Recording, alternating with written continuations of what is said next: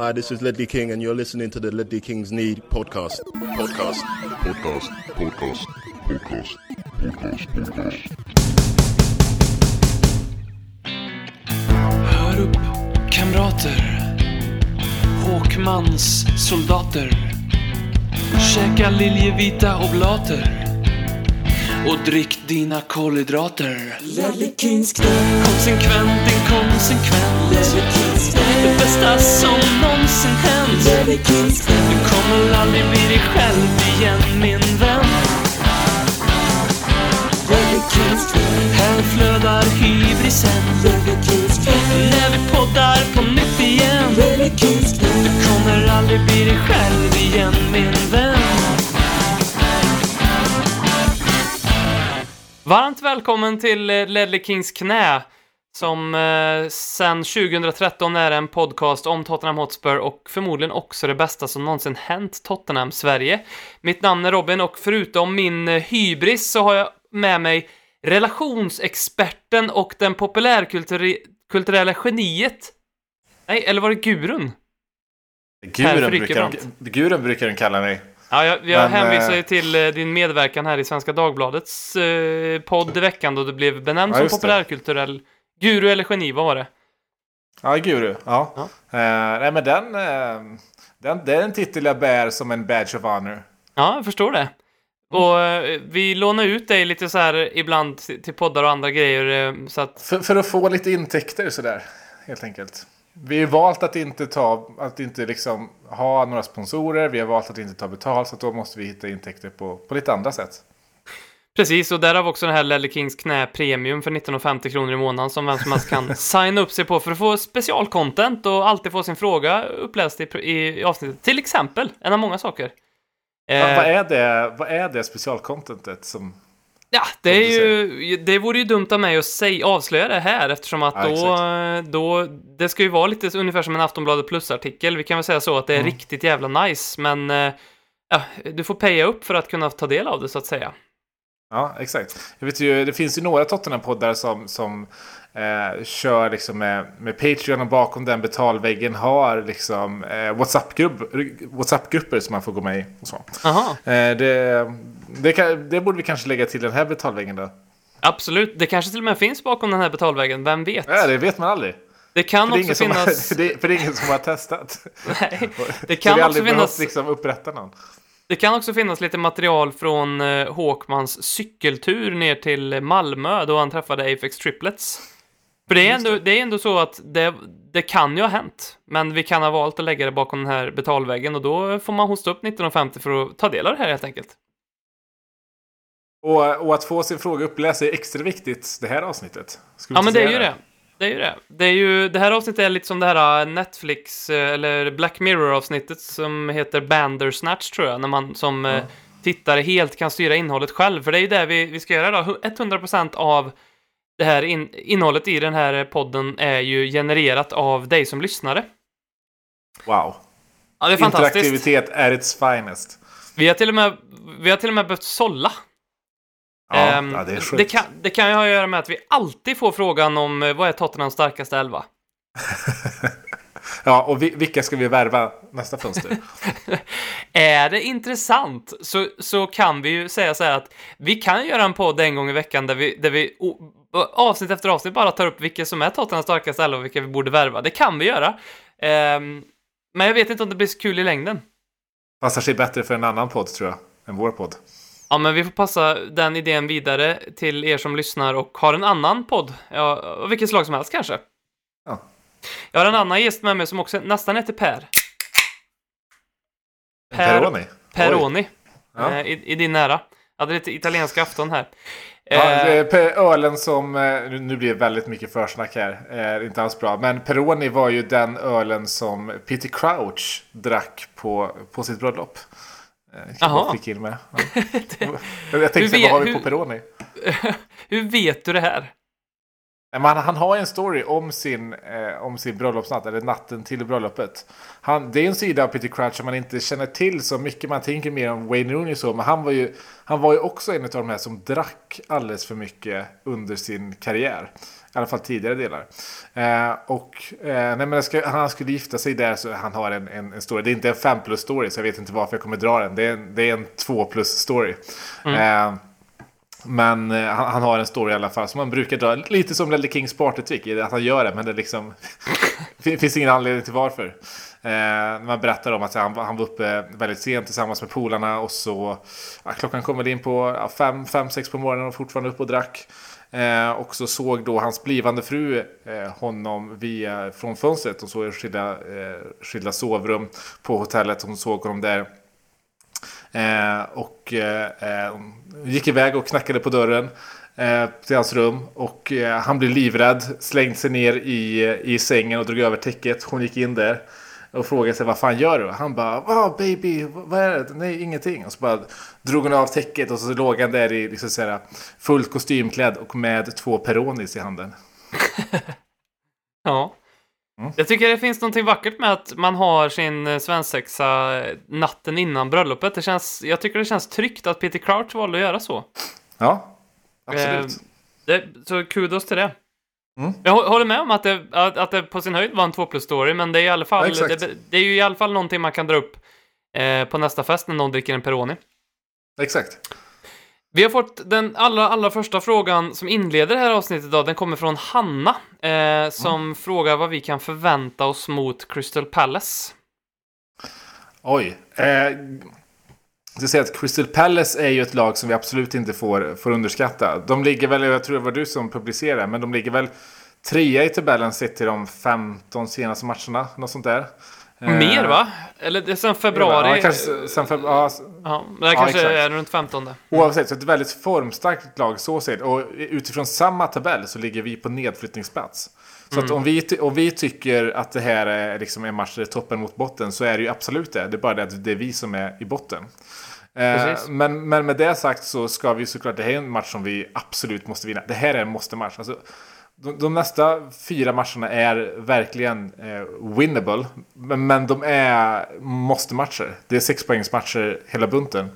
Eh, och vad kan vi förvänta oss av Crystal Palace? Jo, de, de kommer absolut sitta tillbaka. Det har de gjort eh, mycket på det senaste när de har mött eh, större lag. Och det, det, det gjorde de ju absolut mot, mot oss när vi, eh, när vi invigde arenan. Just och de det. har inte någon direkt spets, alltså anfallsspets nu. Så det är, det är ju det de får förlita sig på. Eh, och eh, ja, man, man, man är ju nervös. För som sagt var, skulle vi förlora nu så hade vi haft en, en, en riktigt pissig öppning på, eh, på säsongen. Eh, Los Celso är en spelare som hade passat perfekt mot ett sånt här lag och i en sån här match. Och han är ju, som vi vet, eh, borta. Vi kommer säkert gå in på det mer sen. Eh, men jag tycker perfekt match för istället Delali att komma in och för är någonting som det är bra nu när vi har mer liksom, uppbackning på mitten är att Dele Alli inte behöver gå, komma, så, spela så långt ner i plan. Hans bästa position är när han spelar tillsammans med Kane där uppe. Som en liten Mm. centerforward tillsammans med honom. Bara får liksom ligga och lura bakom honom. Eh, så om vi kan göra det, eh, om vi kan eh, få till bästa möjliga lag och bara få in jäkla Ndombele till slut. För jag tror verkligen han behövs i den här typen av, typen av match. Då, då kan vi såklart, eh, såklart vinna. Jag tycker bara synd för, om, om vem det är nu av Lucas Moura och, och Jong Min Son som inte kommer få spela. För att var det någonting vi lärde oss av, av Newcastle-matchen så kan vi inte spela omställningsspelare i motsittande lag. Det finns det, det kommer lite... bli en... Ja, fortsätt. Ja, nej, men det, det finns ju lite grund till oro här tycker jag. Delvis med det här eh, poängsnittet som vi precis har pratat om att Crystal Palace är ifrån. De är ju också fyra i tabellen. Det är bara fyra matcher in på säsongen så man ska inte göra för stor grej av det. De har slagit United borta. Eh, det är ju något att addera på det här för att nu säga vad man vill om United men, men i, i Crystal Palace, både supportrar och spelare och manager, så tror jag att det kommer vara en av de grejerna de gör inför den här matchen på eh, White Hart Lane. Eh, som jag kommer att kalla Tottenhams, eh, Tottenham Stadium tills vidare. Ehm, och kanske för alltid för den delen. Eh, men det är någonting de kommer säga till varandra i omklädningsrummet innan. Hallå, kolla här, vi gjorde det mot United. Eh, vi kan göra det här nu igen. Ehm, och dessutom då, så med Tottenhams facit mot Newcastle, som spelade med eh, tio man, nio man bakom bollen eh, och satsade på kontringar och lyckades. Ehm, så tror jag det bara, det bara stärker Crystal Palace i, i det här. Eh, och de är ju rätt kontringsstarka. Nu har ju Zaha inte fått den starten på säsongen som, eh, Mm. som, han, som han, han kanske ja, har förmåga eh, till. Men Ja, som då- man borde leva upp till om man ska bete sig som man gör. Ja, framförallt det. Och det kanske är precis transfersagorna, eller den uteblivna transfern, som har gjort att han eh, inte riktigt har huvudet på rätt ställe, så att säga. Men han känns ju också som en person som... Det känns, det känns som att man jinxar allting när man pratar eh, inför en Tottenham-match. Men det, det, vi skulle lika gärna kunna sitta här eh, nästa vecka och prata om hur eh, hur, hur ofantligt märkligt det är att inte något storlag har lyckats sno Wilfred Zaha med tanke på att han ja, eh, gjorde mot Kyle Walker Peters eller Danny Rose, vad det är nu han eh, kommer att spela mot då. Mm, mm. Ja, exakt. Eh, nej men verkligen och, och sen, men man, man bygger upp en liksom, lite större oro eh, av liksom, det, det ligger ju i vårt DNA att vi gör det i de här matcherna. Det, jag tror det finns en känsla i liksom Tottenham supporterskapet att vi tror att vi oftast går på nitarna mot de här lagen. Men ska man kolla på historiskt sett under POC så är vi eh, i princip bäst i ligan på att bryta ner den här typen av lag som, som backar hem. Det liksom känns lite konstigt att säga när vi precis har åkt, åkt på det mot Newcastle. Men, men traditionellt sett så, så är vi faktiskt väldigt bra på, på just det. Eh, så att jag, eh, men med det sagt så såklart med den, med den öppningen vi har och med den formen vi har så vi är inget annat val än att bara börja vinna. Så det vi kan förvänta oss då eh, är kort summerat ett lag som troligtvis kommer att spela precis så som Newcastle gjorde med kanske lite mer offensivt, men det vore ganska naivt att tro eh, för att om man sett, om man såg senaste matchen, jag tror Palace eh, i senaste omgången slog väl eh, Aston Villa, nu kan jag vara helt ute och cykla, men jag tror det. Eh, så, spe, så var det väl i alla fall Palace som dominerade den matchen eh, och spelade anfallsfotboll. Och så kommer de ju inte att försöka spela eh, på, på White Hart Lane, utan det kommer ju vara eh, kontringsfotboll och troligtvis kan ni förvänta er ändra en 0-1-förlust eller en nagelbitare där någon steppar upp och avgör för Tottenhams vägnar då i sista minuten, som det var sist, eh, som du nämnde här, första matchen på nya White Hart Lane, det var väl Heung Min Son som gjorde matchens enda mål, eller blev det 2-0, eller vad, hur var det? 1-0 eller 2-0 blir det. Exakt, och så när Danny Rose gjorde sin eh, nu eh, världsberömda, ska jag inte säga, men, men han hade ju några sådana gånger under förra året där man bara, det bara lyste igenom vilken jävla underbar människa han är och en verkligen supporter. Och om man kollar på Danny Rose vid, vid det. det. förlösande målet, när vi gör första målet på arenan, han bara faller ner på knäna och liksom all, all energi bara lämnar kroppen, all kraft han bara faller ner och liksom ber till Gud. Eh, fantastiskt att se. Eh, Ja, men, men som, de- gjorde, de- som man också gjorde mot eh, Arsenal när eh, Aubameyang missade straffen i sista minuten på senaste derbyt så firar han precis på samma vis. Ja, exakt. Sjunker ner på knä. Ja, han är underbar. Han är underbar. Hade vi, några- hade vi några fler frågor kring matchen? Eller ska vi bara liksom... Ja, men jag tycker vi, vi kör på med de frågorna. Det är ju som sagt eh, Ja, helt och hållet lyssnarinitierat det här. exakt, så vi ska Ehm, inte snacka för mycket Nej, om, om varje fråga. nej. Det Robin ska vara interaktivt. det ska vara interaktivt så att säga. Det är så interaktivt det här, det här kommer bli, men i alla fall... Eh, Robin Parrott, what's up med alla höftskador? Ja. Det är ju, eh, det är ju, det är ju frågan man ställer sig nu. Och Han syftar ju på, på, på Lo Celso som eh, faktiskt till en början eh, gick, gick ju av eh, i matchen mot Argentina i 60 minuten någonting. Efter en tackling mot hans fotled som hade fått två stycken. Och då tänkte man, ja, nu har fått en fotledsskada. Eh, sen så eh, kalla, skickade de hem, hem, honom, hem honom och sa att nej, det är för att han har en groin, groin injury. Och sen så när våra, vår medical staff fick ta hand om honom så hade han helt plötsligt då en hip injury. Som inte alls var så, ehm, så ofarlig som han själv sa. Utan helt enkelt borta, borta i sex veckor nu. Och jag vet inte, jag kollade upp lite grann kring vår skadehistorik. För det känns ju verkligen som att vi är ett lag som det här drabbas mer än, än för alla andra. Och det är ju, visar sig då väldigt långt ifrån sanningen. Eh, kollar man eh, historiskt sett, den säsongen, de senaste tio åren, som vi haft allra flest skador, det var eh, Sherwood-säsongen. Eh, då hade vi eh, långt fler skador och då räknar man antal dagar eh, än, än, vad vi hade, än vad vi har nu. Eh, men, men Pochettino eh, har alltså inte förvärrat liksom skade, skadesituationen i Tottenham. Det, många tror nog det att hans höga pressspel liksom sätter stor, eh, så stor press på spelarna, spelarnas kroppar och därmed leder till eh, olika typer av muskelskador. Men eh, och framförallt hans träning. Säsong, Ja, exakt. Framförallt hans träning. Och eh, förutom hans första säsong, där han hade väldigt, väldigt tur med skador. Han, det var knappt några skador alls. Eh, sen dess så, eh, säsongen efter så kom vi på normal nivå igen. Men sedan dess så har det alltså eh, regelbundet sjunkit lite för varje säsong. Så vi blir alltså mindre och mindre skadedrabbade. Och det här var då fram till eh, två säsonger sedan. Och förra säsongen var en det var egentligen en one-off. Vi hade, var, eh, vi hade gjort, eh, vi hade inte gjort några värvningar, vi hade eh, VM, debaclet, vi världen nio spelare i, i, semifinal, så den får man räkna bort lite grann. Eh, men, men kollar man på de här senaste fem säsongerna, sex säsongerna, så ligger vi på sjunde plats i antal skador. Arsenal har typ dubbelt så många skador som vi har under den, den perioden.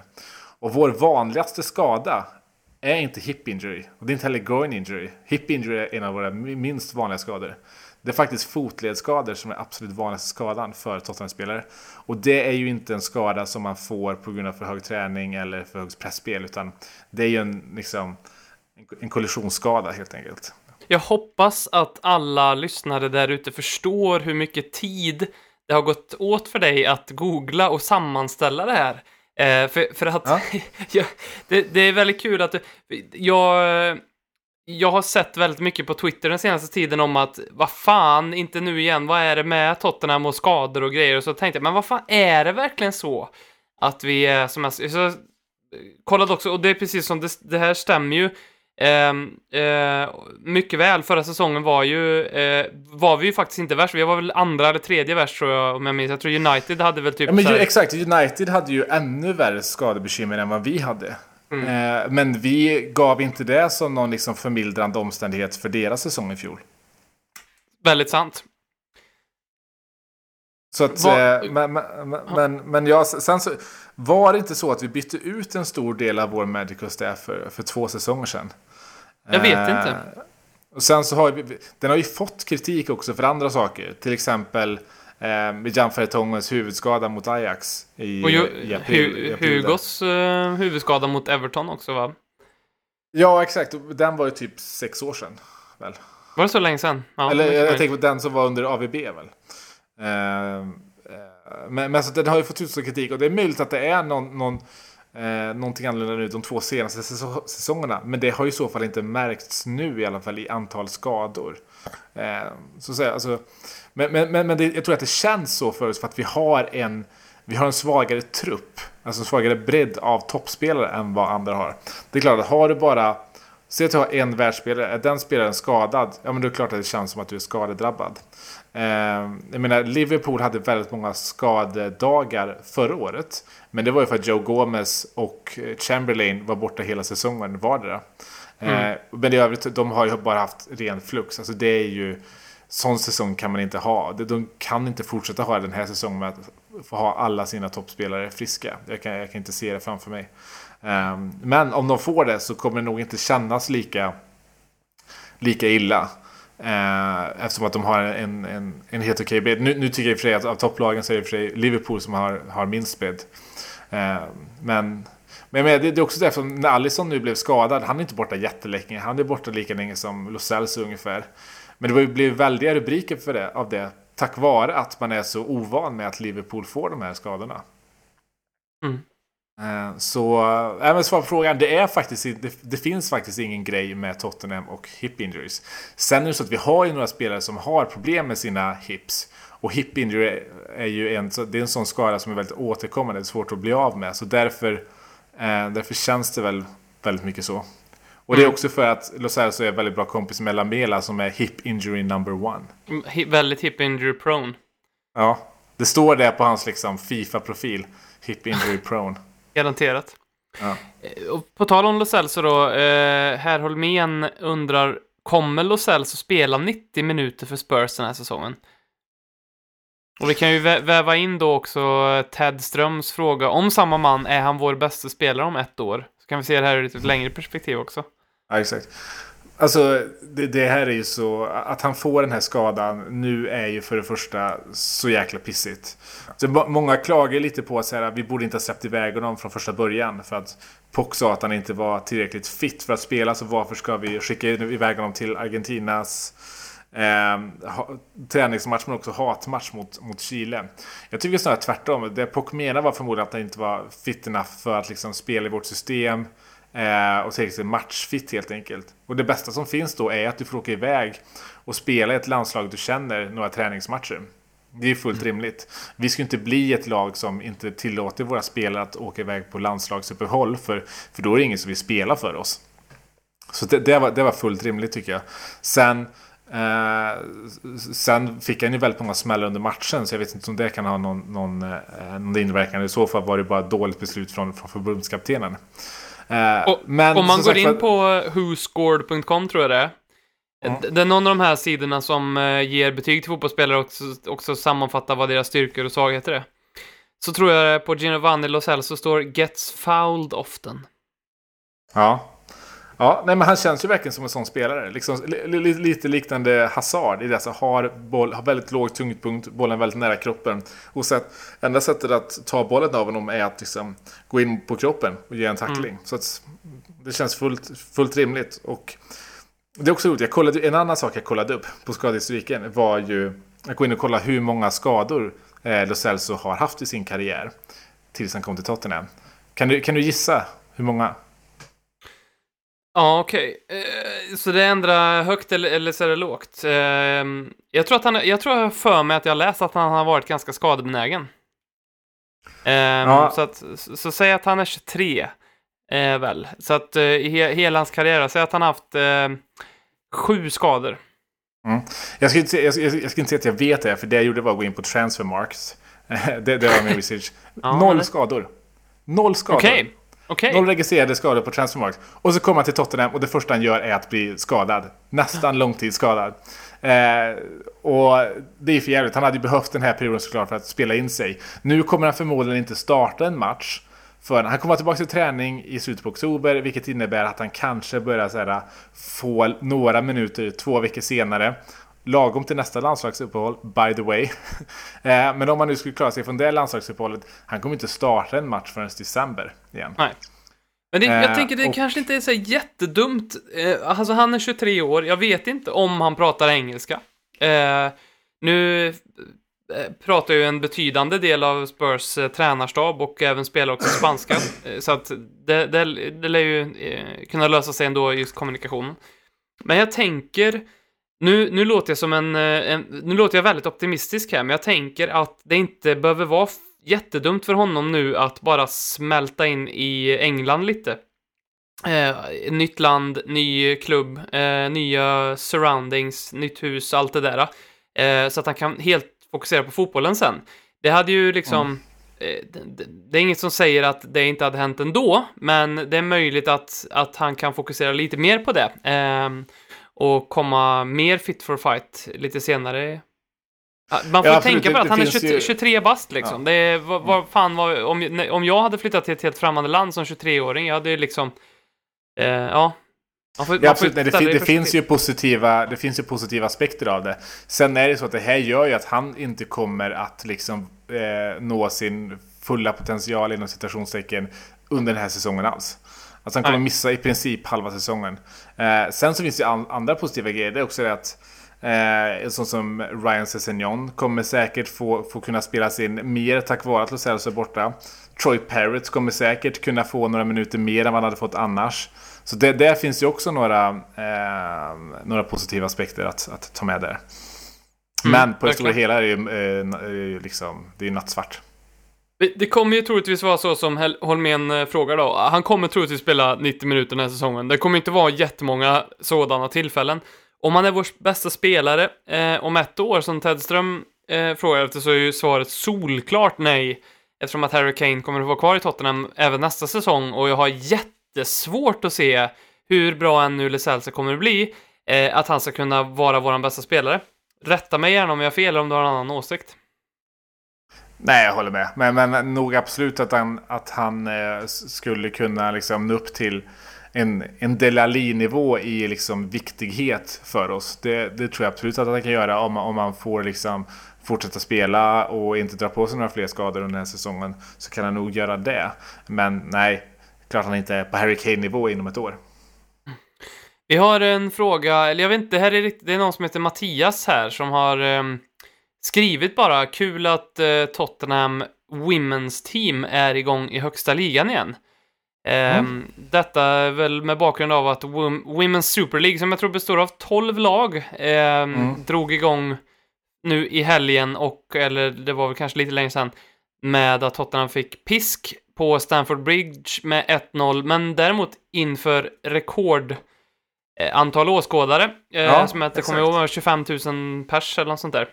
Mm, ja, exakt. Eh, Mm. Ja, men svinkul att, att det, för Tottenham då, för de som inte känner till det, gick, gick upp i Women's Super League inför eh, den här säsongen. Så gör sin entré där. Och det, det är en liga som kommer satsa allt mer. Det är ju prat om att Premier League kommer, eh, kommer gå in och köpa upp där också. Vilket hade gett klubbarna eh, mycket bättre finansiella muskler att, att steppa upp där. Och, Eh, Eh, men det är den här vågen nu kring, kring damfotboll över hela världen som är så jävla rolig att se. Det är inte bara publikrekord i, i den matchen utan det är ju i, i, i princip varje enskild av de, av de eh, högsta europeiska ligorna. Där det börjar bli publiknivåer som faktiskt på allvar eh, liksom kan mäta sig med och ibland till och med slår herrarnas eh, publik, eh, publiknivåer. Vilket är svinkul att se.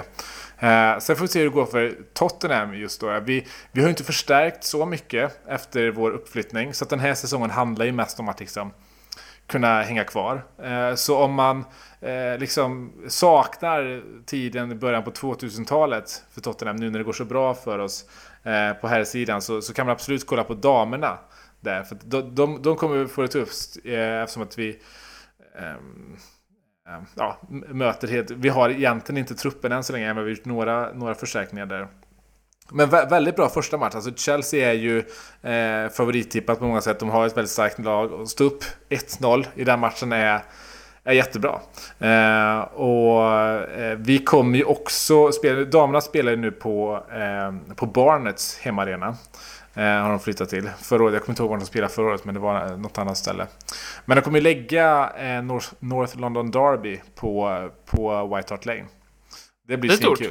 Det är stort. eh, Det verkligen, här är verkligen. ju, det här, jag tycker att det här öppnar lite grann för att dra på, jag vet inte hur matcherna ligger, men att dra på en till fotbollsresa och se Tottenham, både herrar och damer då. Eh, jag tycker det öppnar för det. Eh, förr har det ju varit att man kanske, jag har aldrig gjort det, men jag vet, det är många som gör det, att man åker ut till eh, och ser kanske u matcher eh, för det brukar jag oftast ligga ett par dagar eller dagen innan sådär.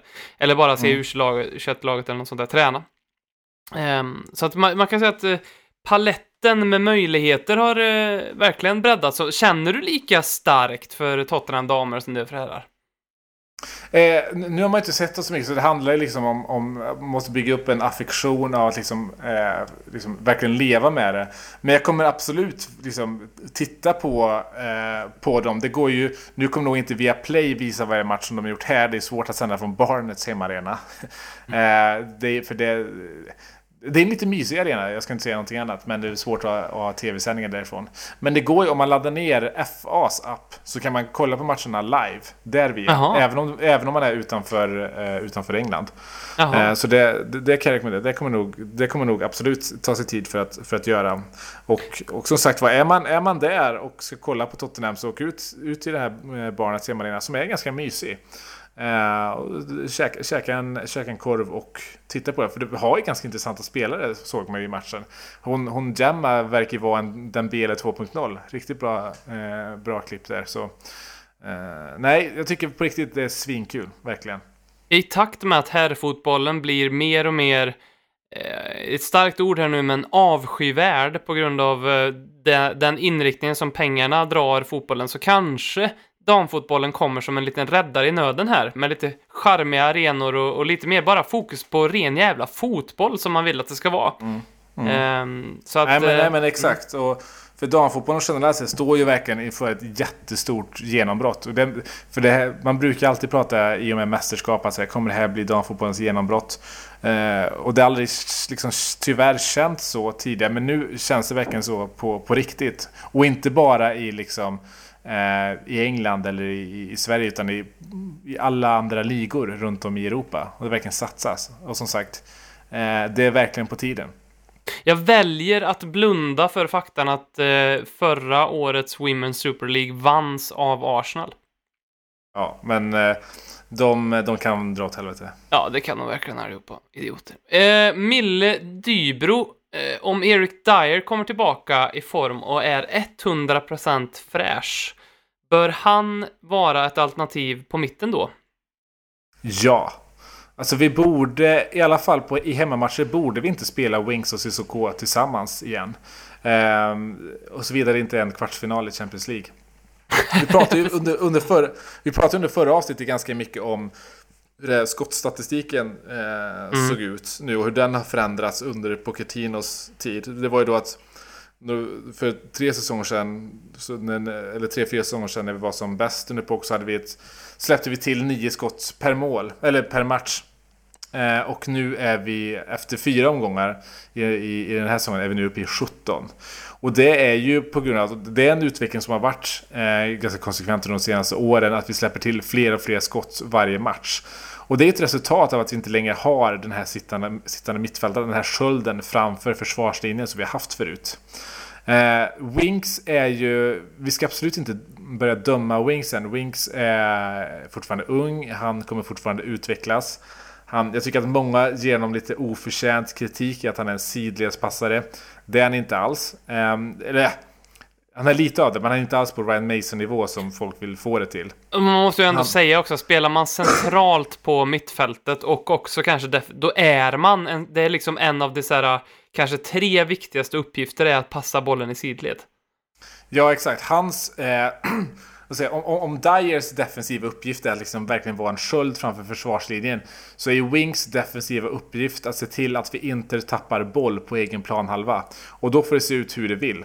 Sen, han är ju ganska bra på vad gäller liksom, eh, progressive passes, vilket inte bara är framåtpass utan pass som på egen planhalva är längre än 30 meter eller på offensiv planhalva är längre än 10 meter.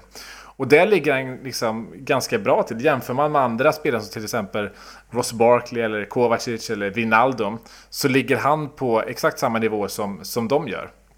På, när man mäter det.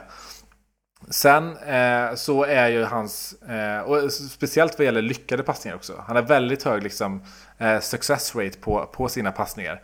Så att han kanske inte liksom riskar så mycket. Han är liksom ganska riskavärt. Men när han väl gör någonting, då gör han det bra. Och han, han är faktiskt ännu bättre på att föra upp bollen. Eh, än vad han är på att passa upp bollen. Eh, och det har ju att göra med hans liksom, nya position nu visserligen som, som är den sittande mittfältare. Där han är väldigt svag, det är ju i hans defensiva kvaliteter. Hans tacklings eh, den statistiken, den är väldigt dålig. Nu, nu ska man inte liksom gå på eh, ta tacklingsstatistik bara, för där, där verkar det ju som att Kollar man på det så ser det ut som att Aaron Wan-Bissaka är liksom världens bästa back. Det är han ju inte alls det. Han är ju bara någon som söker upp tacklingar eh, likt en jäkla idiot. Eh, men, men, men kollar man på success rate för tacklingar för Wings så är det fortfarande väldigt lågt. Och oavsett vad man tycker att den statistiken säger så säger det ju i alla fall att han inte är bra på att vinna tillbaka bollen. Eh, och det är, det är ju en sån som vi faktiskt behöver för vi kan inte fortsätta att släppa till så här mycket skott. Eh, det, det är ohållbart. Och som sagt, han kanske kommer, Rings kanske kommer utvecklas till någonting sånt. Det, det vet vi inte. Eller så är det helt enkelt så att han utvecklas till någon där hans offensiva kvaliteter eh, på något sätt kompenserar hans defensiva brister. Eh, men om det inte gör det, och just nu har, är han inte på den nivån han skulle behöva vara för att vara en startspelare i Tottenham. Då tycker jag att vi hellre bör satsa på någon med de defensiva kvaliteterna. Eh, och då borde vi satsa på, på Eric Dyer där helt enkelt. Eh, så det, det hoppas och till viss del också tror jag att vi, eh, vi kommer göra i de matcherna vi kan. I alla fall. Det finns ju ingen, alltså ingen i Tottenham som har en mer, eh, en pung som har blivit utsatt för mer skott. Raka jävla hårda skott rakt på pungen än Eric Dyer. Det kan inte Nej. finnas. Möjligtvis Toby Alderweireld. ja. Det, Nej, har men du han liksom är väl den enda sen... Ja, exakt. Han är väl den där, jag kommer ihåg... Sandro körde med alla typer av skydd, alltså tandskydd och Ja. liksom pungskydd. Och han, Dyer är väl den, där, den första sen, sen Sandro att, att börja använda pungskydd. Precis. Och, och jag tänker ju när, alltså en, en eh, off, eller en, en 4-3-3 för att komma in på vårt Mm. superfavoritämne här om eh, hur Tottenham ska ställa upp och vilka som borde spela var. Som vi, Hur ska liksom, vi starta nästa match? hur ska vi starta nästa match? Eh, som vi kommer, hur vi än vänder och vrider på det och hur vi än ber om lyssnarfrågor så kommer vi få åtta sådana lyssnarfrågor inför varje eh, avsnitt eh, ändå, eh, vilket är väldigt charmigt, men eh, så tror jag ändå en trea på mitten med en defensiv Dyer, en eh, ja, men nästan box-to-boxig Winks och en lika mycket box-to-boxig men lite mer offensiv än Dombele. Det kan vara rätt starkt alltså. Eh, Tycker jag. Med, Det med gjorde vi ganska många gånger i, alltså under fjolårssäsongen när vi jagade mål. Då gjorde, det vi gjorde några gånger var att byta in Dyer eller Wanyama. Ja. Så att liksom, det blev mittbackarna och eh, Dyer eller Wanyama som blev liksom den defensiva skölden och sen kunde alla andra bara foka på det offensiva. Eh, för det gör att så här, det frigör mycket mer eh, mycket mer trygghet, trygghet mycket mer liksom, eh, framåtanda genom att ha den skölden. Vilket man inte riktigt kan ha när man har wings där. Och då måste man ha eh, ett lite mer defensivt mindset. En till eh, positionsfråga här nu då. Eh, Ted Ström igen. Var kommer Sessignon att spela? Ja, om jag får tolka en fråga sig, vad var kommer han spela mest? För han är ju en generell liksom, vänsterspringare. Och jag tror absolut att han kommer liksom, slussas in i laget via en vänsterforwardposition. Men kollar man där han har presterat bäst, det som vi har bäst, eh, störst behov av att förstärka. Eh, och vi har ju följt Sessignon under en väldigt lång tid. Vi har följt honom sedan han var liksom 14-15. Och det han har spelat mest, det är ju på vänsterbacken. En wingback. Han kommer vara klassisk wingback för oss. Perfekt ersättare för Danny Rose. Jag vet att det är många som, många som kanske tänker, eh, tänker sig Gareth Bale här och hans utveckling, men man måste faktiskt tänka på att Gareth Bale och Ryan Sessignon inte alls är samma typ av spelare, bara för att de är lovande vänsterbackar som har fostrat och gjort det bra i Championship och sen gått till Tottenham så innebär de inte att det, det innebär inte att Ryan Sessignon kommer att spela liksom på en offensiv högerytterplats om några år och göra liksom mål utanför eh, straffområdet. För där hamnade ju Bale bara för att han hade en av de absolut, och har en av de absolut sjukaste eh, eh, fotbollsfötterna eh, som Premier League har sett. Eh, men, men Ryan Sessignon har ju möjligtvis speeden eh, som Bale har, men han är en helt annan typ av fotbollsspelare, inte alls lika fysiskt för den delen heller. Um, uh, så. Uh, även om han gör en del mål, han gjorde ju väldigt mycket mål um, den säsongen Fulham gick upp till Championship, och om inte jag minns fel, kan vara helt, så såg du och jag Ryan Sessignon, spelade han då, eller kom han in? Nej, han var, han var, han var på bänken då. Eh, ja. För vi var ju där då för fyra år sedan. Någonting. Nej, ja, tre, fyra år sedan. Och tyvärr så spelade han inte då. Och, för han var, ju, han var ju på vår radar redan då. Han, som sagt, vi har jagat honom jättelänge. Känns, Och känns som att han alltid var på väg mot Spurs. Det var som en Ja, alla, alla vägar bär till Rom-grej liksom. Att Ja, ja, Ryan. Sessignon skulle gå till Tottenham. Nej, det var han och hans bror som vi har jagat och det, det ryktades ju om att vi skulle liksom värva han och eh, hans bror i samma paket. Nu, var, nu blev det ju inte så som vi kan se. Men eh, Steven har ju verkligen fått igång sin karriär nu. Anledningen till varför han inte var, eh, var liksom, eh, på samma nivå som Ryan är, han fick ju en ACL injury eh, och var borta i princip hela fjolårssäsongen. Samt, sen så är den högerfotad så han blir inte liksom eh, lika eftertraktad i, i unga år som en, en lovande vänster, eh, vänsterfotad spelare blir. Eh, men, men, men, nu får han börja spela igen. Han har gjort det väldigt bra i Fulham. Han får spela i U21 nu också. Faktiskt även som vänsterback. Vilket förbryllade livescore-apparna så mycket att det stod Ryan Sessignon. Eh, ja. Eh, och har gjort det jättebra eh, där också så att säga. Förhoppningsvis kan han bli lösningen på vår högerbacks, vårt högerbacksdilemma också. Det hade mm. varit fantastiskt att ha två bröder på varsin kant. Verkligen, bröderna Sessignon. Jag kommer ihåg, ja. vad fan hette som han? Bröderna Fabio, som bröderna Fabio. Precis. Men vad hette han, eh, Sessignon, eh, anfallar Sessignon i West Brom? Sand, och... Sunderland, Sunderland, Sunderland kanske det var. Ja. Kommer inte ihåg vad han heter nu. Eh, såklart är de ju inte släkt bara för att de har samma efternamn, men Eh, mm. Det var en säsong till i alla fall. Eh, Mille Turesson undrar vad krävs för att Livi ska släppa Porsche? Och då Oj. Porsche som i Porschettino. Jag vet inte om jag säger det rätt. Säger man Porsche? Eller Porsche? Pock? Porsche. Porsche. jag, ser, jag säger Pock. Håkman säger Porsche. Att... Och eftersom ja, Håkman men... säger det så tror jag att vi kan säga att det därför det är fel. Är fel. Ja, ja, exakt. Eh, men då men, säger vi Pock då. Ja, vad krävs? Ja, du, alltså är det någonting som Livi, eh, vi kan säga med Livi, så är att han är ju han är inte rädd för att ta tuffa beslut. Så är det problem i omklädningsrummet, eh, är det någon form av problem så tar han tag i det. Han låter det inte gå. Eh, så att om det skulle vara så att vi får den här usla säsongen nu och eh, vi känner att det är den här gamla griniga Pochettino tillbaka Eh, jag, jag tror absolut att det, det, finns ett scenario där Pochettino kan ryka under den här säsongen. Det, det, det tror jag. Eh, eh, att ett sånt scenario kan utvecklas. Sen tror jag absolut inte att det kommer hända. Absolut inte. Eh, men, men jag tror att eh, eh Liv är nog inte alls för att ta den typen av, av beslut. Men sagt det, det är det som skulle krävas. Att, att, Livi, eller att Pochettino tappar omklädningsrummet eh, och då kommer Livi agera snabbt. Eller om man känner att eh, Pochettino inte är där rent mentalt heller. Jag, jag tror inte att han går runt och tänker att så här, vi måste spara eh, Pochettino och vi, vi har inte råd att bli av med honom. Så tror jag inte att han, att han tänker. Eh, mm. han, han är van att, och att, att behöva ta de här besluten och det har han gjort tidigare också. Pochettino och eh, Livi som har haft eh, lite dejter nu på senaste tiden. Eh, Exakt. Det gick ju lite rykten här eh, på Twitter, något som Pock eh, dementerade väldigt, väldigt snabbt och skrattade åt.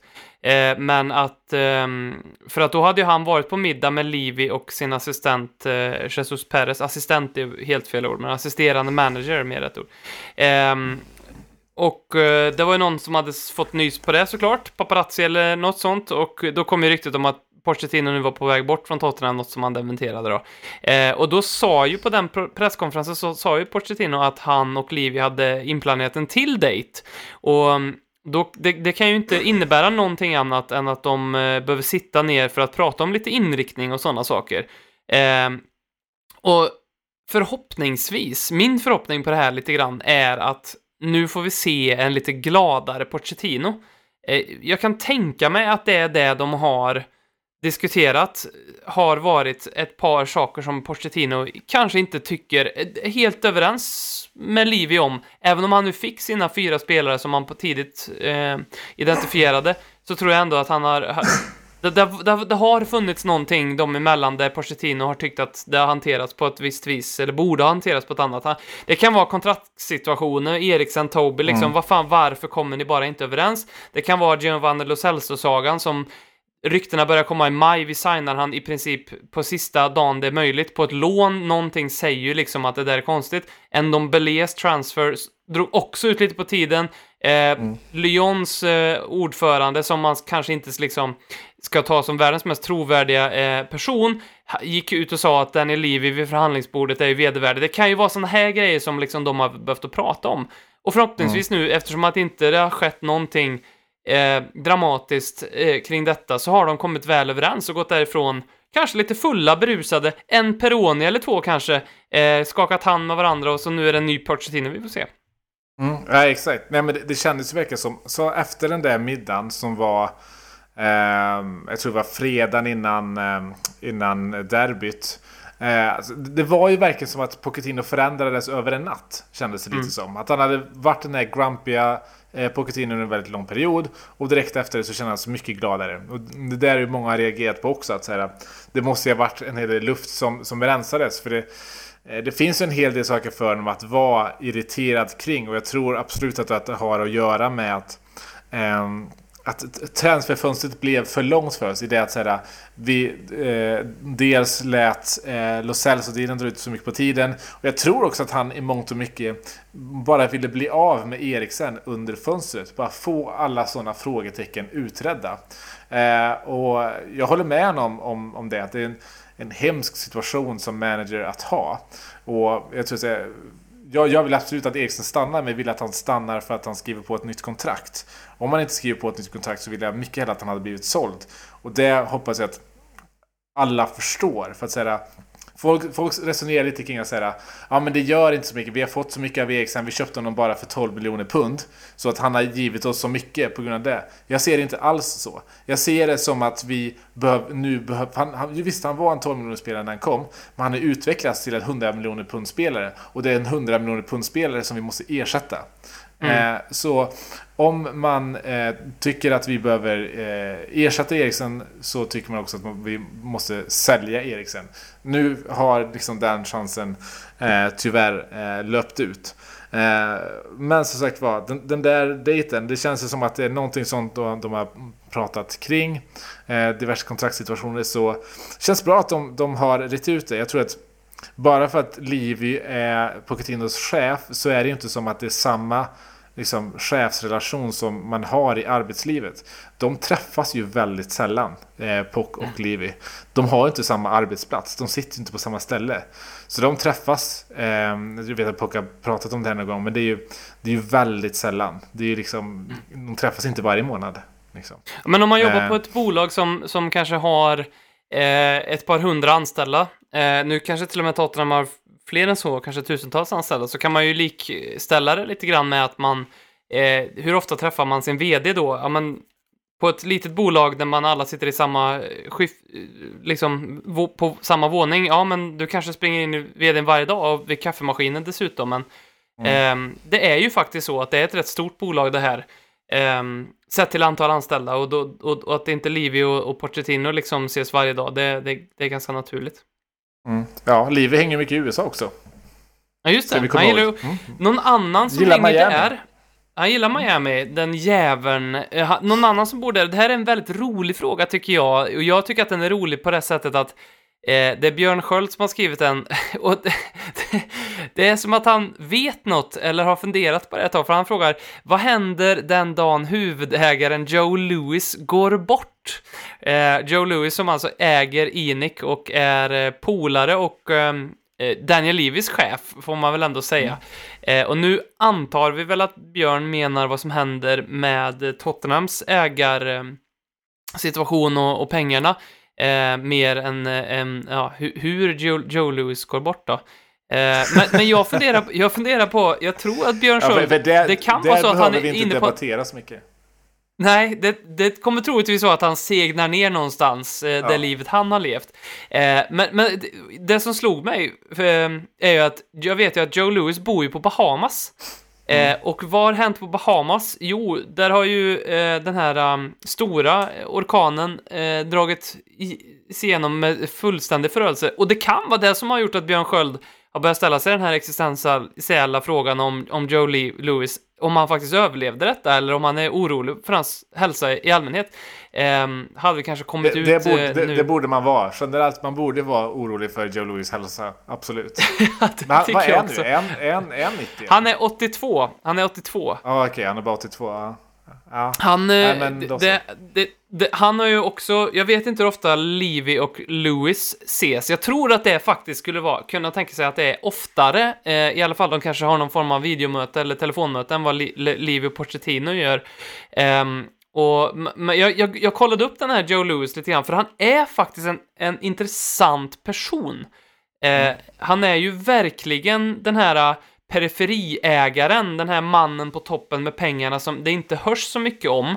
Eh, och liksom, om man kan ju jämföra bara med våra eh, rivaler och eh, eh, Krönke-familjen, eh, bland annat, eller Glazer-familjen, eller vilken Abra... Brahi, vad heter han? Abramovic. Ja. eller, eller ehm, så som helst så är ju de oftast, de är ju med i ropet väldigt, väldigt mycket mer än vad Joe Lewis som, som äger eh, som äger Tottenham är. Eh, men jag tror att det har att göra med att han, han är en, han är född och uppvuxen i London, eh, född ovanpå en pub. Eh, det är ju så, i i England så är ju alla, eh, förr i alla fall så hade man en pub så, så bodde man i, i samma hus eh, och i de enkla förhållanden så växte ju Joe Lewis upp. Eh, och sen så eh, vet jag faktiskt inte hur han skaffat sig alla sina pengar, men det var, han gjorde väl någonting bra, läste någonting eller sålde någonting eller hade tur, eh, sådär. Eh, det enda man egentligen vet om honom, det är att han har den här stora jotten som han då och då bullrar in med dunder och brak i, eh, i London. På Themsen kommer han, för att han ska på något viktigt möte, så kommer han med sin enormt stora yacht, eh, lägger till där någonstans. De får till och med bygga en, en egen designad hamn varje gång han gör detta, för det finns inget ställe i London som kan ta emot den här typen av yacht. Så att det, varje gång han har glidit in där så har man fått göra det. Eh, någonting som jag tyckte var kul var att Michael Dawson har varit på den här yachten. Och, och det för mig är... Michael Dawson är så långt ifrån yachtmänniska jag kan tänka mig. Eh, Men ändå lite fint, Ja. för jag tror det säger ganska mycket om Joe Lewis. eh, För jag tror att han är en ganska reko down to earth britt som bara sitter på en jävla massa pengar. Ehm, helt enkelt. Eh, och ska enligt Michael Dawson då, eh, som intervjuades efter han har varit på den här yachten, eh, faktiskt kolla på alla Tottenhams matcher, eh, vilket på ett sätt är lite, lite värmande. Vad händer egentligen när han Ja. dör då? Ja, eh, det, det är en bra fråga. För den, den dagen lär ju snart komma. Eh, och nej men det, är så, det, det är inte han personligen som, som äger Tottenham. Utan Tottenham ägs ju eh, till stor del av, av Enic. Där, eh, där Joe Louis äger en, eh, en, en, en större del av. Och eh, Levy äger ju, har ju en minoritetsandel i Enic. Och eh, Eh, men nej, det är inte det, Lewis, eh, precis. Travis dock, som, som Joe Louis äger, de äger majoritetsdelen i, i Enic. Eh, så att trillar han av pinn så blir det ju ingen, inget kaos. För det är, det är ju ingen ägare per se så som försvinner. Utan ägarbolagen finns ju fortfarande, eh, fortfarande där. Om de går ner i liksom nedstigande led till hans dotter. Så hans dotter är ju ett stort Tottenham-fan också, ska vi komma ihåg. Så vi har ju väldigt tur att ägas av av Tottenham-supportrar. Eh, Livi är ju eh, också en, en, en, har varit sen barnsben en Tottenham-supporter. Jag och hela hans, hela hans familj är det. Jag, jag var, när jag var på Champions League-finalen så gick jag ju in i arenan precis bakom hans familj. Alltså hans, hans barn. Hans tre, eh, var tre barn. Eh, All, alla hade liksom Livi på ryggen och eh, men liksom verk, verkligen inbitna spursare. Men sagt var, Joe Louis eh, dotter är också, eh, också eh, starkt Tottenham-supporter. Som hon skulle få ta över liksom, egenskapet i, i Travis dock som äger Enic som i sin tur äger Tottenham. Så eh, jag kan absolut se att hon skulle liksom, stanna kvar i, i den här investeringen. För det är en väldigt bra investering de har gjort. De tog ju över oss eh, till en hyfsat liksom, billig peng får jag ändå säga. Eh, se till hur, vi, eh, hur, hur klubben är strukturerad nu. Vi är ju en klubb som går väldigt mycket plus. Eh, och ägs av en struktur som inte är på samma sätt som, som Arsenal eller United. Arsenal, där äger man ju Arsenal för att plocka ut vinsten. Det gör man ju inte på samma sätt i, i Tottenham. Eh, sen är ju visserligen Livi, vad är han, ligans bäst betalda chairman, är han väl, tror jag. Garanterat. Ja. Eh, men, men sen för, jag ska, säga också att jag, jag, jag tror nog inte att eh, det blir tal om försäljning direkt. För att ha Tottenham som en asset i ett bolag är väldigt fördelaktigt när du tar till exempel nya lån. Eh, när du eh, liksom drar in kapital, du har det som säkerhet. För, eh, för Enic och Travis och det, det är ju investmentbolag där den typen av transaktioner är, eh, kan vara väldigt viktiga ibland. Och att få göra de lånen till låg ränta, eh, det är en möjlighet som man såklart vill, vill ha kvar. Eller jag har kommit ganska, alltså väldigt många bud som man inte känner till. Det, det Mm. finns väl några man känner till, eller där det ryktades lite som spelades ner direkt. Och det, det tyder väl på Eh, att det finns en långsiktighet som, är väl, som sträcker sig väldigt mycket längre efter den dagen eh, Joe Lewis segnar ner på sin yacht, eh, troligtvis. Ja, exakt. För, för, det, för det pratas väldigt mycket om jag tror det var för, för fem år sedan någonting om, om liksom en försäljning. Och varje gång det har pratats om försäljning så har det alltid sagts att ja, men vid en försäljning så kommer Livi sitta kvar som ordförande för att han är bäst på att rodda den här klubben. Så det kan man vara trygg med. Eh, men sen så tror jag att man tänker lite annorlunda nu än vad man gjorde då. För jag tror att Tottenham har blivit mycket mer av en liksom potentiell kassako än vad man först tänkte. Mm. Den här nya arenan är ju liksom nu en, en 365 dagar om året arena. Med liksom NFL-kontrakt och, och allting. Eh, så jag, jag, tror att, precis som jag sa förut, eh, eh, bra asset att ha för att ta, ta låga räntor på lån. Samtidigt kommer, som det kommer bli en kassako. Jag tror, eh, jag tror inte att en försäljning måste ske bara för att Joe Louis dör. Absolut inte. Mm. Men han är också mycket i Miami. Så att, Ja, eh, han gillar, han, han gillar Miami. Ja, han har sin favoritrestaurang där. Så jag, jag, tror som du säger, han, han hänger nog mer med Livy än vad Livy hänger med Pock. Konsekvent, inkonsekvent. Det bästa som någonsin hänt. Du kommer aldrig bli dig själv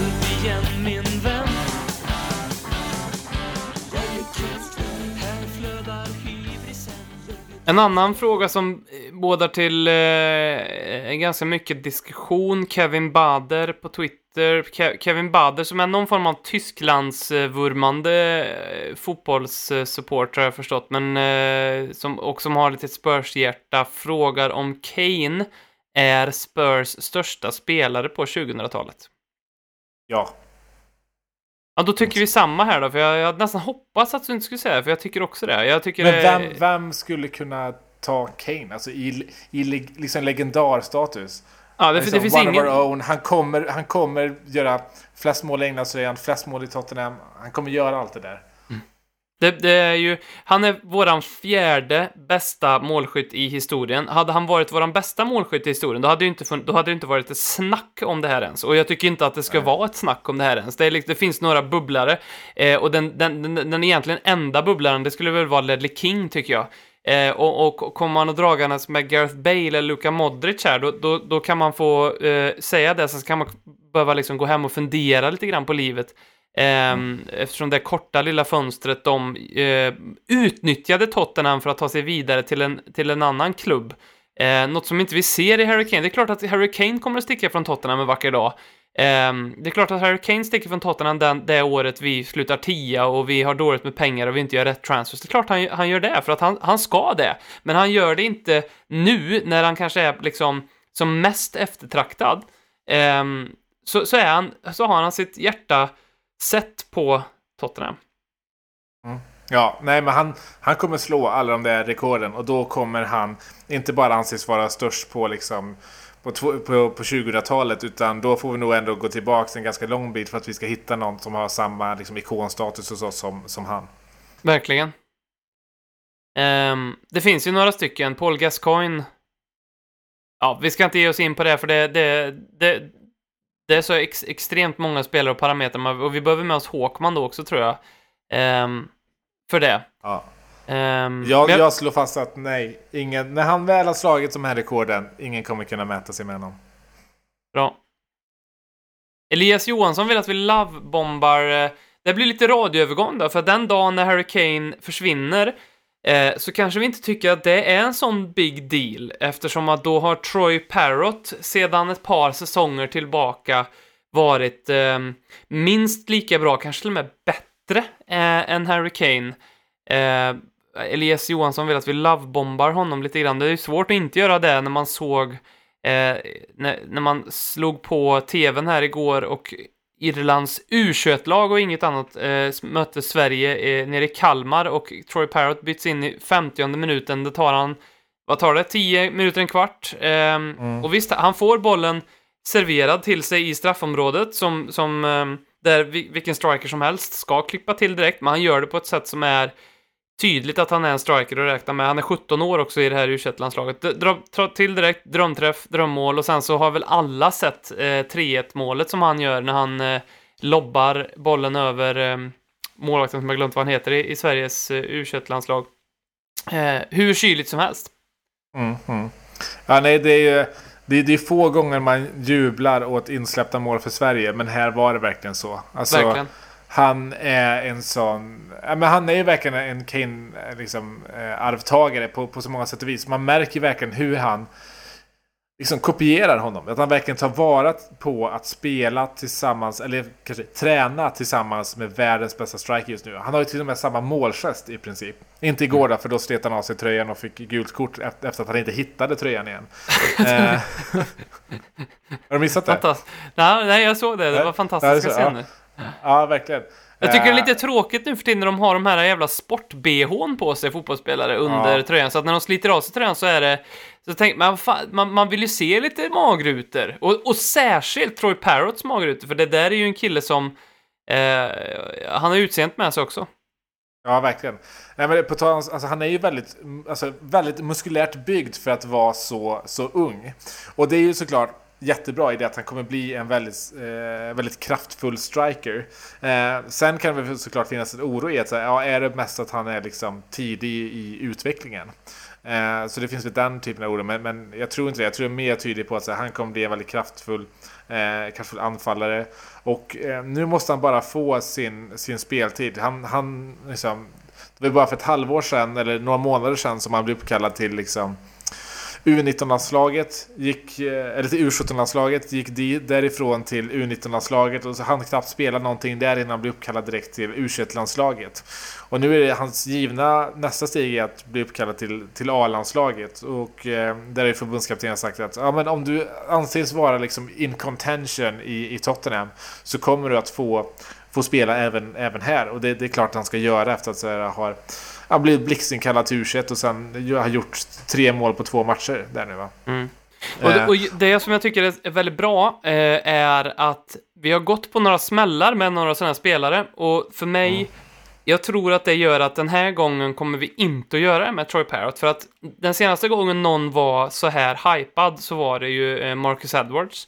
Eh, och där sket ju faktiskt Pochettino i det blå skåpet. Nu var ju Marcus Edwards inte alls som Troy Parrott på det sättet att Marcus Edwards är ju fullkomligt från vettet som människa. Eh, och är ju ett, liksom ett, han är ju ett arbetsmiljöproblem på ett helt annat sätt än vad Troy Parrott är. Ehm, men, och sen gjorde vi samma med eh, Griffiths. Ehm, Ja, och någon spelare till som också inte alls var i ropet på samma vis, men som försvann, som gled ifrån Bandits.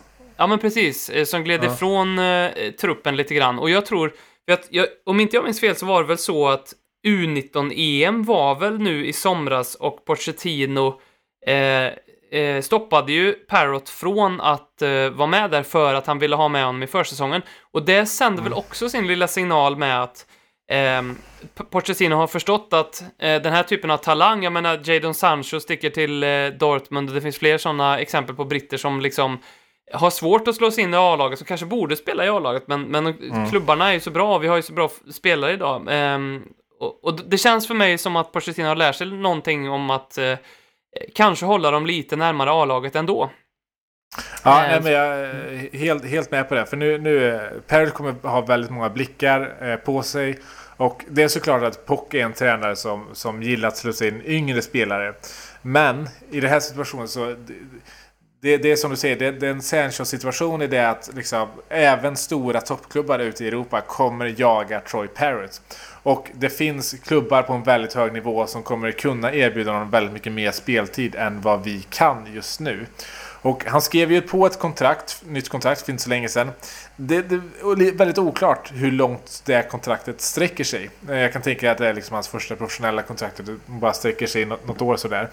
Eh, Så att det är absolut av, av högsta vikt att han faktiskt får smaka på hur det är att spela.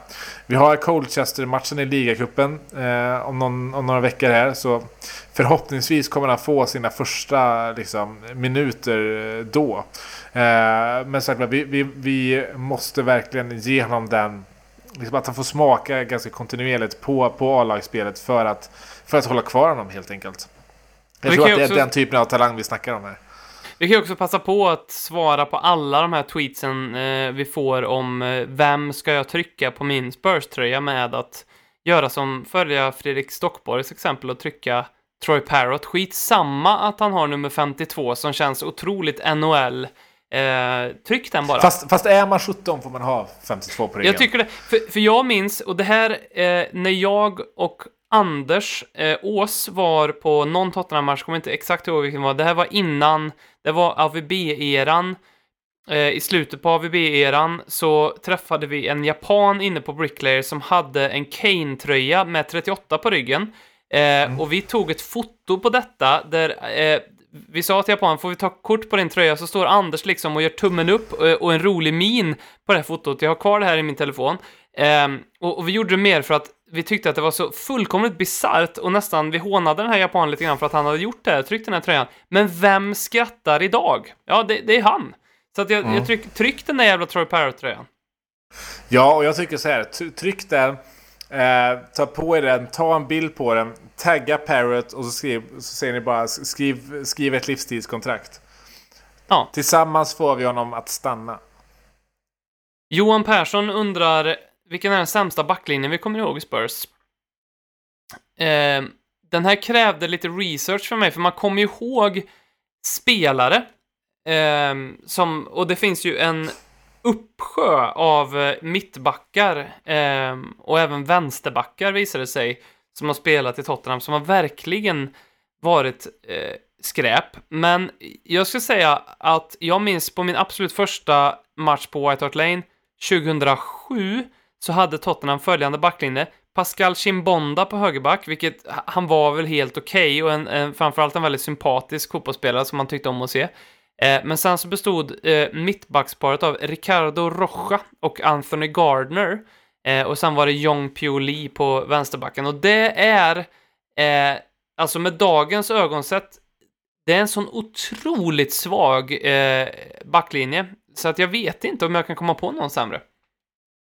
Nej, jag kommer ihåg att ett av... Du har nog helt rätt. Jag kommer ihåg på i ett av våra tidiga avsnitt så hade vi ett segment där vi eh, läste upp Tottenhams backlinje till tonerna av Keyboard Cat. ja, det, kom, Eh, för- det kommer jag ihåg. Kommer du ihåg det? Ja. För att illustrera hur eh, keyboard-kompatibel den backlinjen var. Jag kommer inte ihåg exakt hur vi ställde upp då när, när, när vi spelade in det här, de matcherna. Men det måste ha varit Kai Norton, eh, Kirikesh, eh, Ekoto och typ Dawson. ja. Fazio Kanna kanske var lite för Fatsuka- tidigt för Fazio. Ja. Ja, exakt. Men, men, men någonting i den stilen. Eh, och det, men som sagt, din, din backlinje där är ju... Eh, den är ju sämre. Men, och det var också ett sämre lag, ska vi säga. Så, Så var det ju. eh, Men, det här laget, men, eh, den här backlinjen ska jag bara säga, eh, lyckades ändå slå Derby med 4-0. Eh, så att, Ja. Nej, men sjukt att den backlinjen kan, kan hålla nolla. Det, det, ger ju, eh, det, det ger ju mer smak till Arsenal. Du känner dem att de, de, kan, de kan också. verkligen.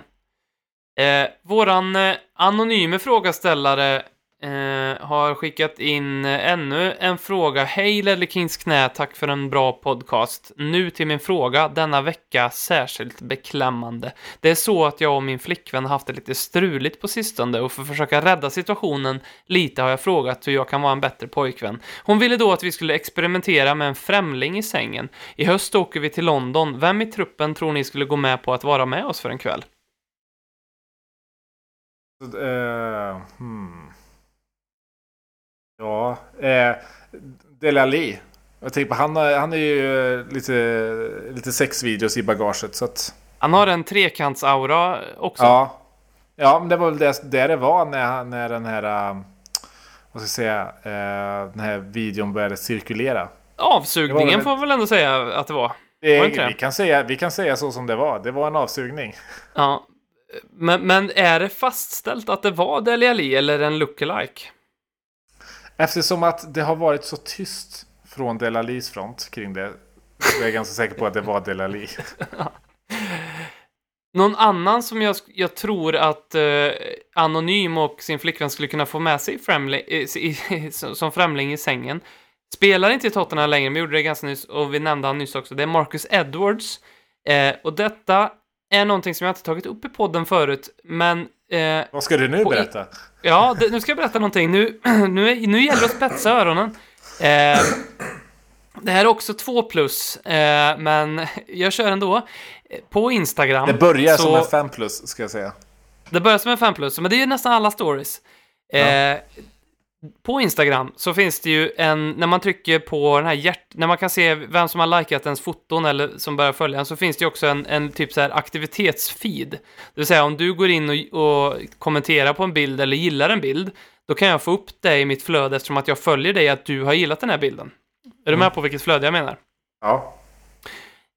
En dag för inte så länge sedan eh, så var jag inne på det här flödet. Jag flö- följer Marcus Edwards på Instagram och då la jag märke till att Marcus Edwards hade likat eh, alltså tio stycken foton på tio olika brudar i väldigt, väldigt, ja men ungefär så naken du kan vara på Instagram innan det liksom tillåts eh, som eh, pornografi eller sexuellt innehåll. Eh, och sen så började jag då se det här oftare och oftare. Nu har jag avföljt Marcus Edwards, vilket man gör eftersom att han har slutat. Han är inte längre en, en Tottenham-spelare.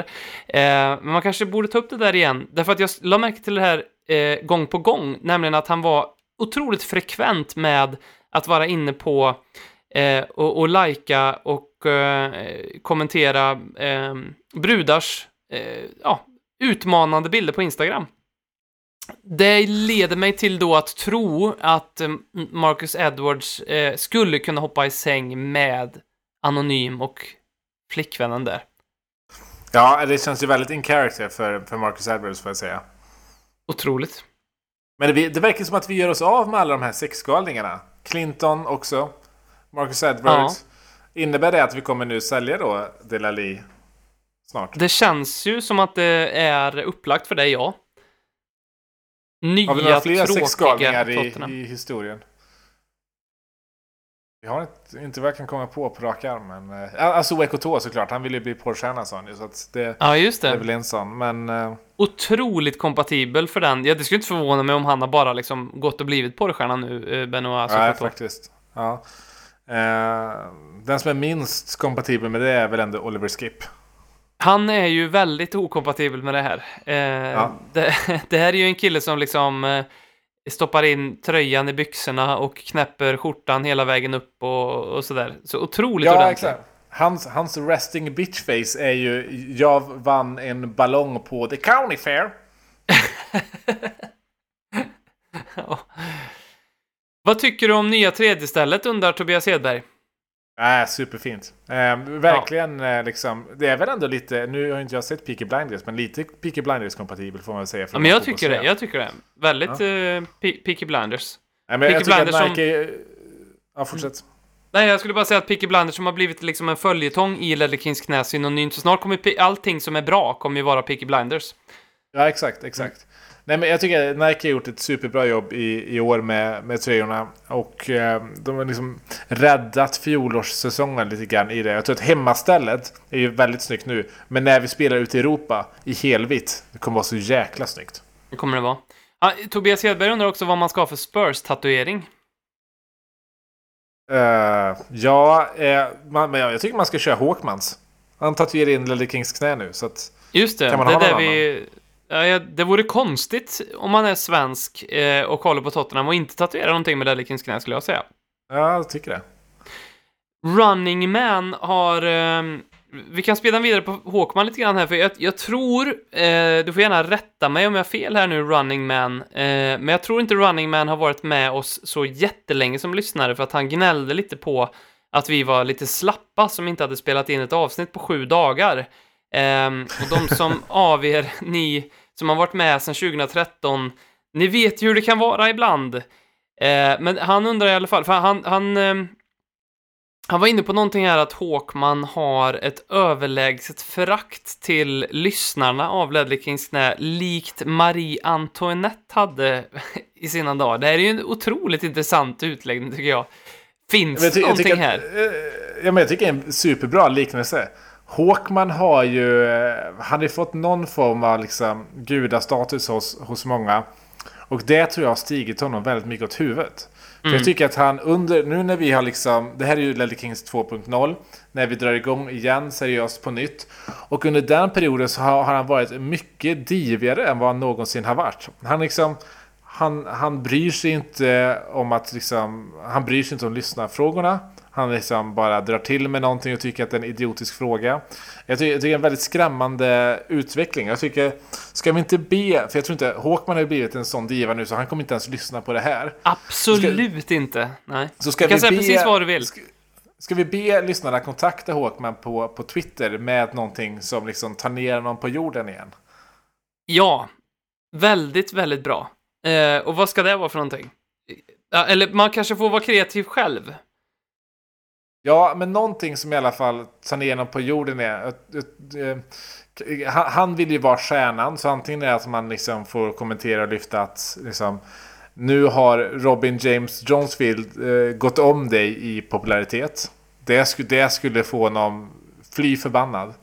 Eh, Eller nå- någonting, om, någonting ja, där. någonting som också som också, om man är helt ny till Ledley Kings knä och, och, och det här är första avsnittet man har lyssnat på, då, då kan jag bara säga eh, synd Eh, för dig, för det finns mycket referenser i det här avsnittet som, som inte hänger med. Men det, om det är någonting eh, man ska veta om Håkman så är det att den dagen för sex år sedan när vi grundade den här podden och satt ner för första gången, tillstymmelse till frisyr och tillstymmelse till att klä upp sig eh, överhuvudtaget attraktivt, eller liksom eh, eh fanns inte hos den då eh, 34-5-årige Marcus Håkman, men hos den Håkman som har gjort ett par år med Ledley Kings knä eh, och fått liksom lite gudastatus och blivit smekt medhårs. Han sitter här med en frisyr eh, när vi träffas för första gången på ett månad, vilket var för mig, det var, det var liksom ungefär lika förvånande som att se ja, kanske Cissoko i en uppkommande match här göra liksom ett mål eller liknande. Det var liksom, jag blev golvad och jag tappade hakan. Mm, ja, det är för jävligt. Ta ner honom på jorden igen. Gärna någonting om Fy hans fan. frisyr. Ja, ja exakt. Eh, här Kritisera kom- frisyren. Här kommer en fråga från eh, eh, ett konto på Twitter som vi misstänker är eh, en rysk bot eller eh, någon som driver med oss, men jag kommer ändå nämna Berbatovs baby heter kontot. Eh, vilket årtionde skulle ni vilja uppleva ur ett Spurs-perspektiv? Det här blir ju väldigt intressant att se ifall vi tycker olika. Jag tycker att det är väldigt självklart. Vilket Ja, jag årtiondet. också. Ja, och för den här frågan, eh, jag tyckte om den så mycket så att jag gjorde lite research. Jag, tänk, jag satt ner och grubblade på den här. Så du får, du får köra först. Nej, men finns det något annat att säga än 60-talet? Om man måste säga liksom mellan eh, liksom ett exakt decennium. Mellan Ja. liksom 0 till 9. Då måste det ju vara 60. Mm. Ja, jag har inte 60-talet. Det var, det var liksom det givna, men varför har du 60-talet? Nej, men vadå? Vi tog liksom... Eh, dels är det ju... Eh, eh, Ja, det säger sig självt på ett det, sätt. det, Ja, det, det är the glory years. Alltså 61, Ja. vi, vi tog dubben. Eh, 62 eh, vann vi FA-cupen. 63 vann vi eh, cupvinnarcupen. Eh, vi t- tror vi tog någon, eh, någon till FA-cup där också. Eh, vi har ju Jimmy Greaves som eh, gick och blev hela Englands stora mästerskytt. Eh, och eh, hade ju liksom en lång period eh, där med Blanche Flower. Eh,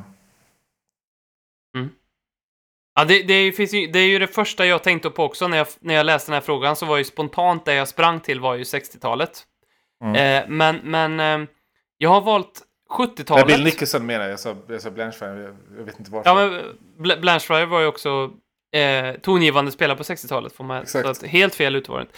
eh, Jag tog 70-talet och det, det är av den anledningen att det var också, det är ett årtionde, 1970 till 1980, som det händer extremt mycket i fotbollen, eh, i Tottenham eh, i synnerhet.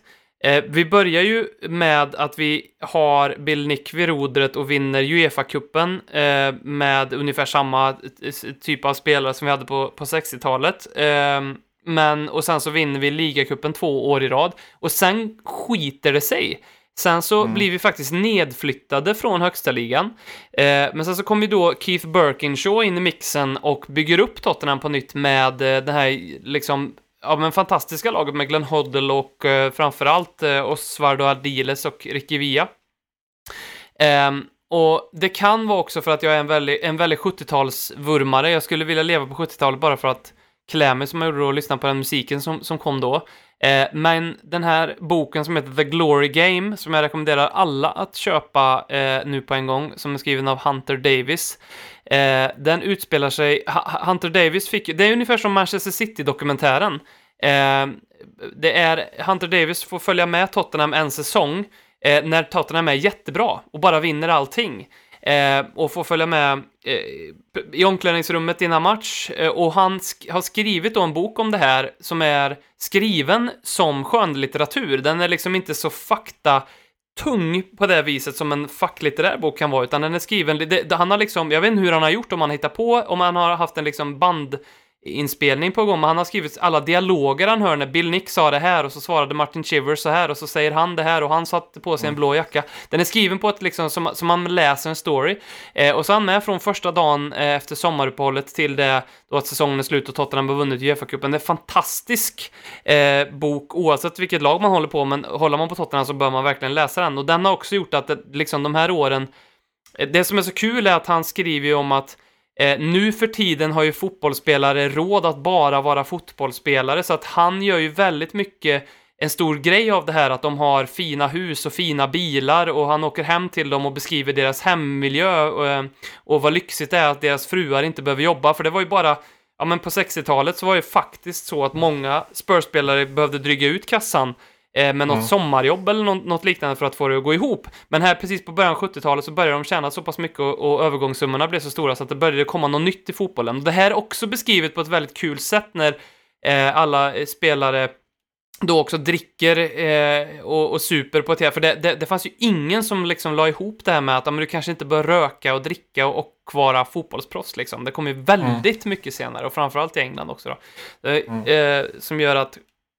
att jag känner att jag skulle vilja uppleva 70-talet. Ja, det är men sant. Alltså det, jag har inte tänkt på det på det sättet. Att liksom få uppleva verkligen det ups and downs.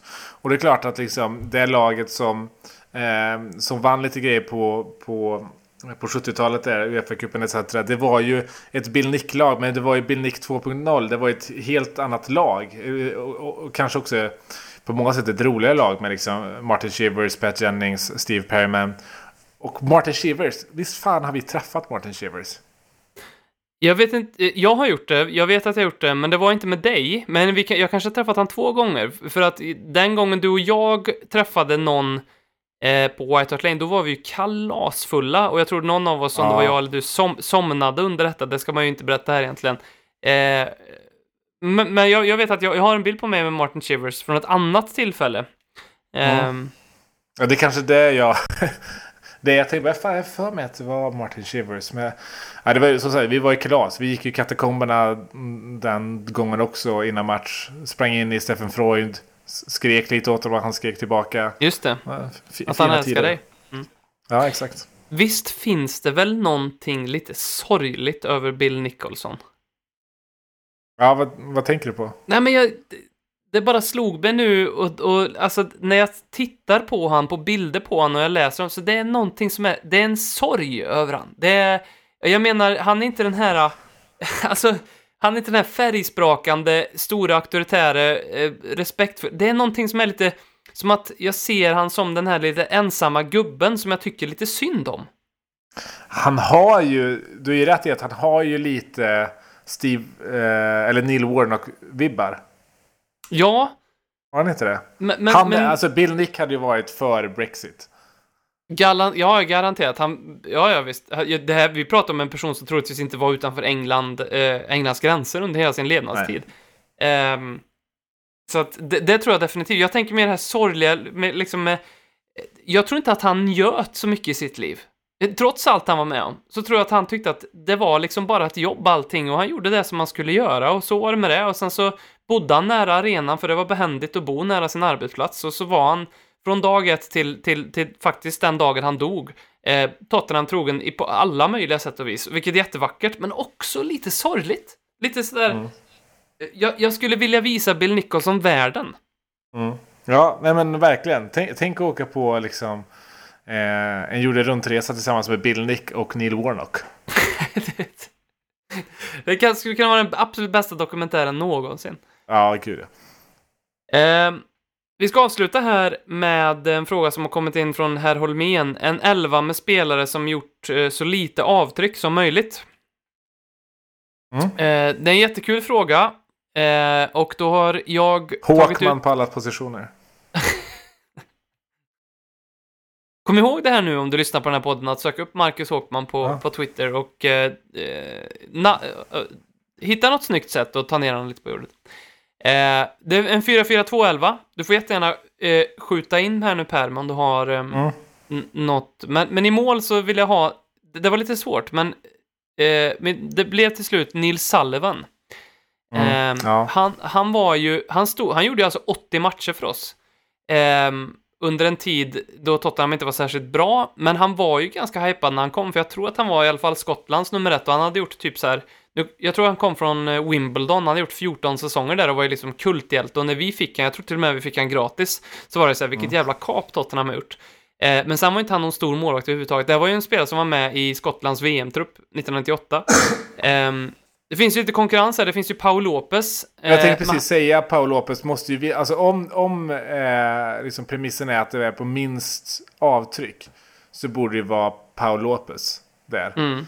Men Nils Salven håller med om att man var ju, eh, man var ju väldigt glad när han kom. Man hade ju verkligen en meritlista innan. Och det, det var ju någonting som man inte levde upp till. Eh, Mm.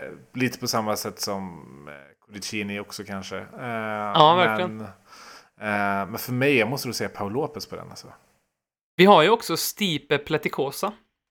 Ja, just det. Och det är ju helt sjukt. Jag hade ju helt glömt bort att vi, ja, det var ju inte länge han var i- men han var ju liksom den här målvakten man alltid såg när det var ett mästerskap och stod för Kroatien och, och så tyckte man att han var rätt bra liksom. Och så, Mm. Han har faktiskt spelat i Tottenham, men gjorde ju inte en enda match tror jag. Ehm, Precis som Paul Lopez. Så det är väl de två där kanske. Ja. Petikosa och Lopez. på högerbacksplatsen har jag DeAndre Jedlin. Eh, Med anledning av att han kom ju till Tottenham ganska hypad, för det var ju på den tiden liksom eh, när man började få upp ögonen för att MLS faktiskt kunde producera spelare. Eh, och då var det ju givetvis väldigt spännande att DeAndre Jedlin kom till Tottenham. Det var ju väldigt mycket surr om honom och han var ju utlånad till Sunderland en säsong och gjorde rätt bra ifrån sig där. Han gjorde bara 11 minuter i Tottenham. Mm. Ehm, och i en match som eh, jag faktiskt var på plats mot Aston Villa och eh, slutresultatet blev ju såklart också då 0-1 på White Hart Lane. Eh, faktiskt Pochettino-åren. Det var det- de enda 11 minuterna han gjorde. Jag vet inte, har du någon annan på högerbacksplatsen? Nej, men det måste man nog ta honom där. För som du sa, han... Det var ju på den tiden... Man trodde ju att MLS skulle slå igenom som någon form av talangfabrik. Och vi var ju... För det här var... Han kom 2014, typ. Ja. Ja. Eh, och eh, man får säga att MLS har ju blivit den talangfabriken nu som man hoppades att de hade blivit då. Eh, Och liksom, allt man tänkte på var ju hans, hans speed. Man hade ju väldigt högt ställda förväntningar på honom. Eh, så ja, absolut. Ja, där kommer jag inte argumentera mot dig. På de andra backpositionerna har jag, mittbackspar Fazio och Ramon Vega. Eh, Ramon Vega för att han var ju, när han eh, signade för Tottenham så blev han ju hypad som in i helvete. Då köpte vi han för 4 miljoner pund tror jag. Det var väldigt mycket för en fotbollsspelare och framförallt för en mittback Ja. då. Eh, Men han var ju en, en, en, en, eh, en fruktansvärd eh, dålig mittback. Eh, och sen på vänsterbacken Paolo Trames- Tramezzani. Eh, Som var en sån här, åh vad fränt, Tottenham värvar från Italien och dessutom en spelare som har gjort en riktigt bra säsong i Serie A. Hur går det här? Ja, det gick helt åt helvete. Faktiskt. Ja, eh, men backlinjen håller jag helt med.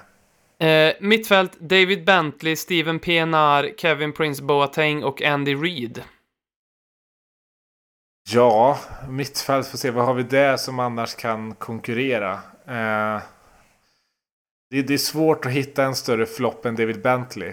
Eh, Pienaar hade väldigt högt ställda förväntningar även, även på honom som absolut inte infriades.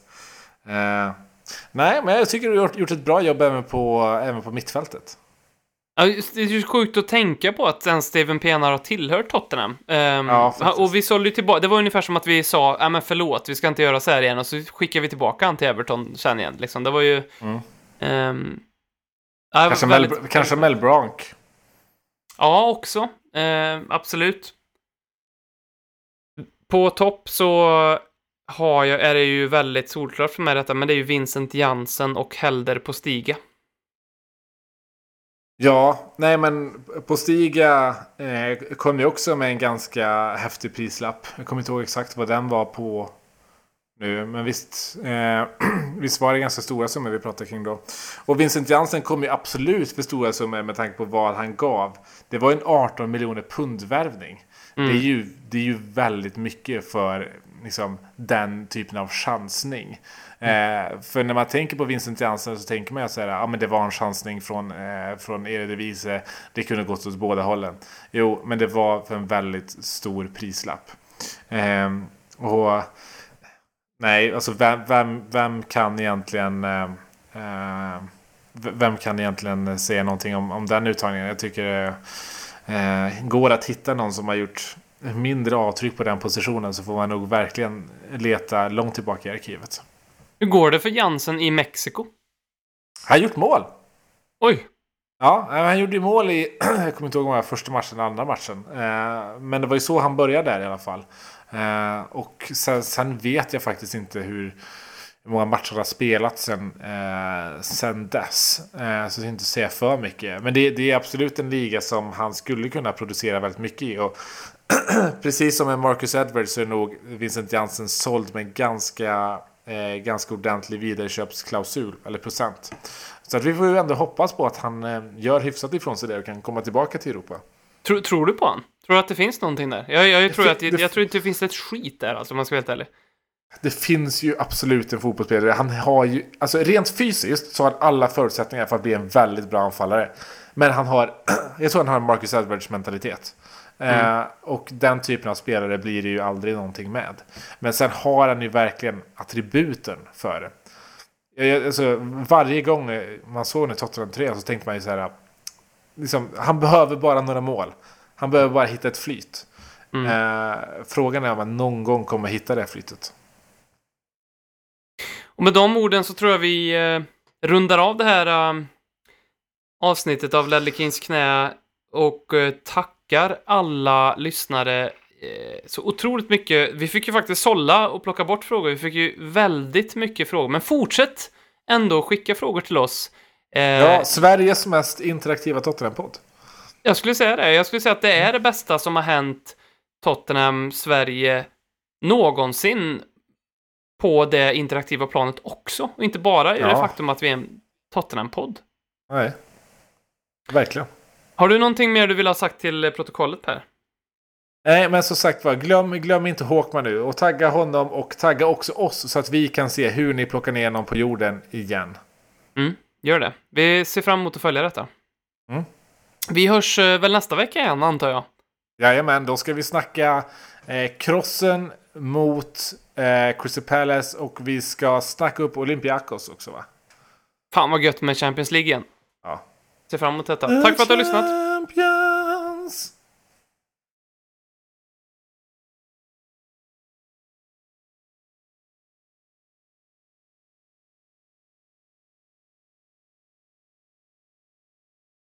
Ladley Kings knä. Konsekvent, inkonsekvent. Ladley Kings knä. Det bästa som någonsin hänt. Ladley Kings knä.